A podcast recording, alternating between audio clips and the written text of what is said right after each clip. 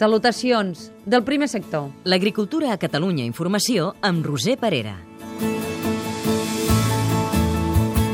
Avui us parlem del cultiu de la tòfona negra. A Catalunya ja hi ha 600 hectàrees de cultius de tòfona i la tendència és a créixer. El Centre Tecnològic Forestal de Solsona té un grup que investiga aquest cultiu. Els resultats es posen a disposició dels productors. I la veu del camp és per a una família que promou en una finca de la Noguera la cria del porc ibèric català criat en llibertat. El primer sector.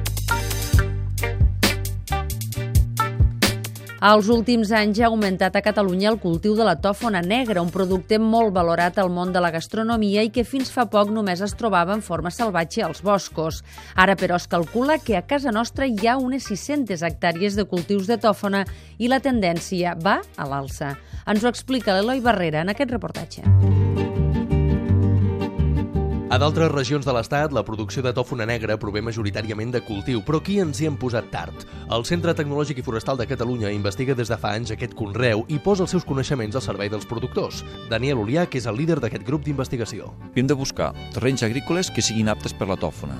Terrenys de mitja muntanya entre els 600-700 metres fins als 1.000-1.200 terrenys calcaris i, a més a més, terrenys que trenin bé, perquè si no s'entollen i no li és bo per la tòfona. I es planten plantes, en aquest cas inoculades prèviament, i cap al 6è, 7è, 8è any podem arribar a tenir les primeres tòfones. No obstant, ens hem de plantejar plena producció 10-12 anys. A més, han descobert que els terrenys on hi ha hagut incendis, com aquest del sud del Solsonès, són especialment beneficiosos per la manca de competència. Però la clau del cultiu és la implantació de les espores de la tòfona negra a les arrels d'alzines o roures. Les plantes inoculades es poden comprar en vivers especialitzats, però el centre tecnològic també en subministra amb controls de qualitat.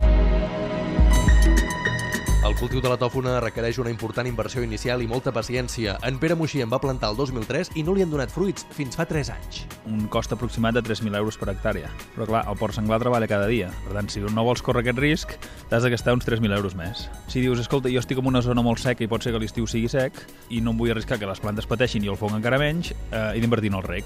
És a dir, des, de, des dels 3.000 euros que val preparar el terreny i plantar fins a més de, de 12.000 euros que pot arribar a costar per hectàrea. És a dir, estem parlant la tòfona entre 350 450 euros el quilo de mitjana.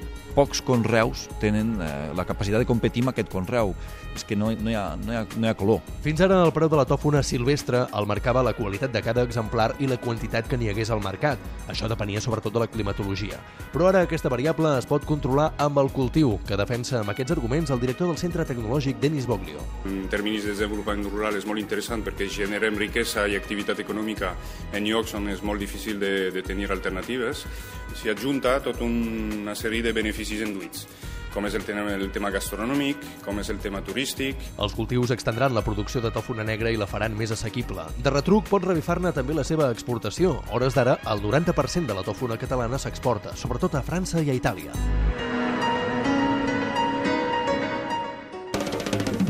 El primer sector. La veu del camp. El projecte té molt bona acollida, per lo que representa té molt bona acollida. Jaume Rodríguez Enric és el responsable de la gestió del projecte ibèric Bosch del Ciscà. I estem molt, molt satisfets, però, com dèiem, és un projecte lent, per exemple, perquè la Generalitat pugui arribar a reconèixer la denominació ibèric català, necessitaríem com a mínim 10 anys. El primer sector. Un programa realitzat des dels centres territorials de Catalunya Informació.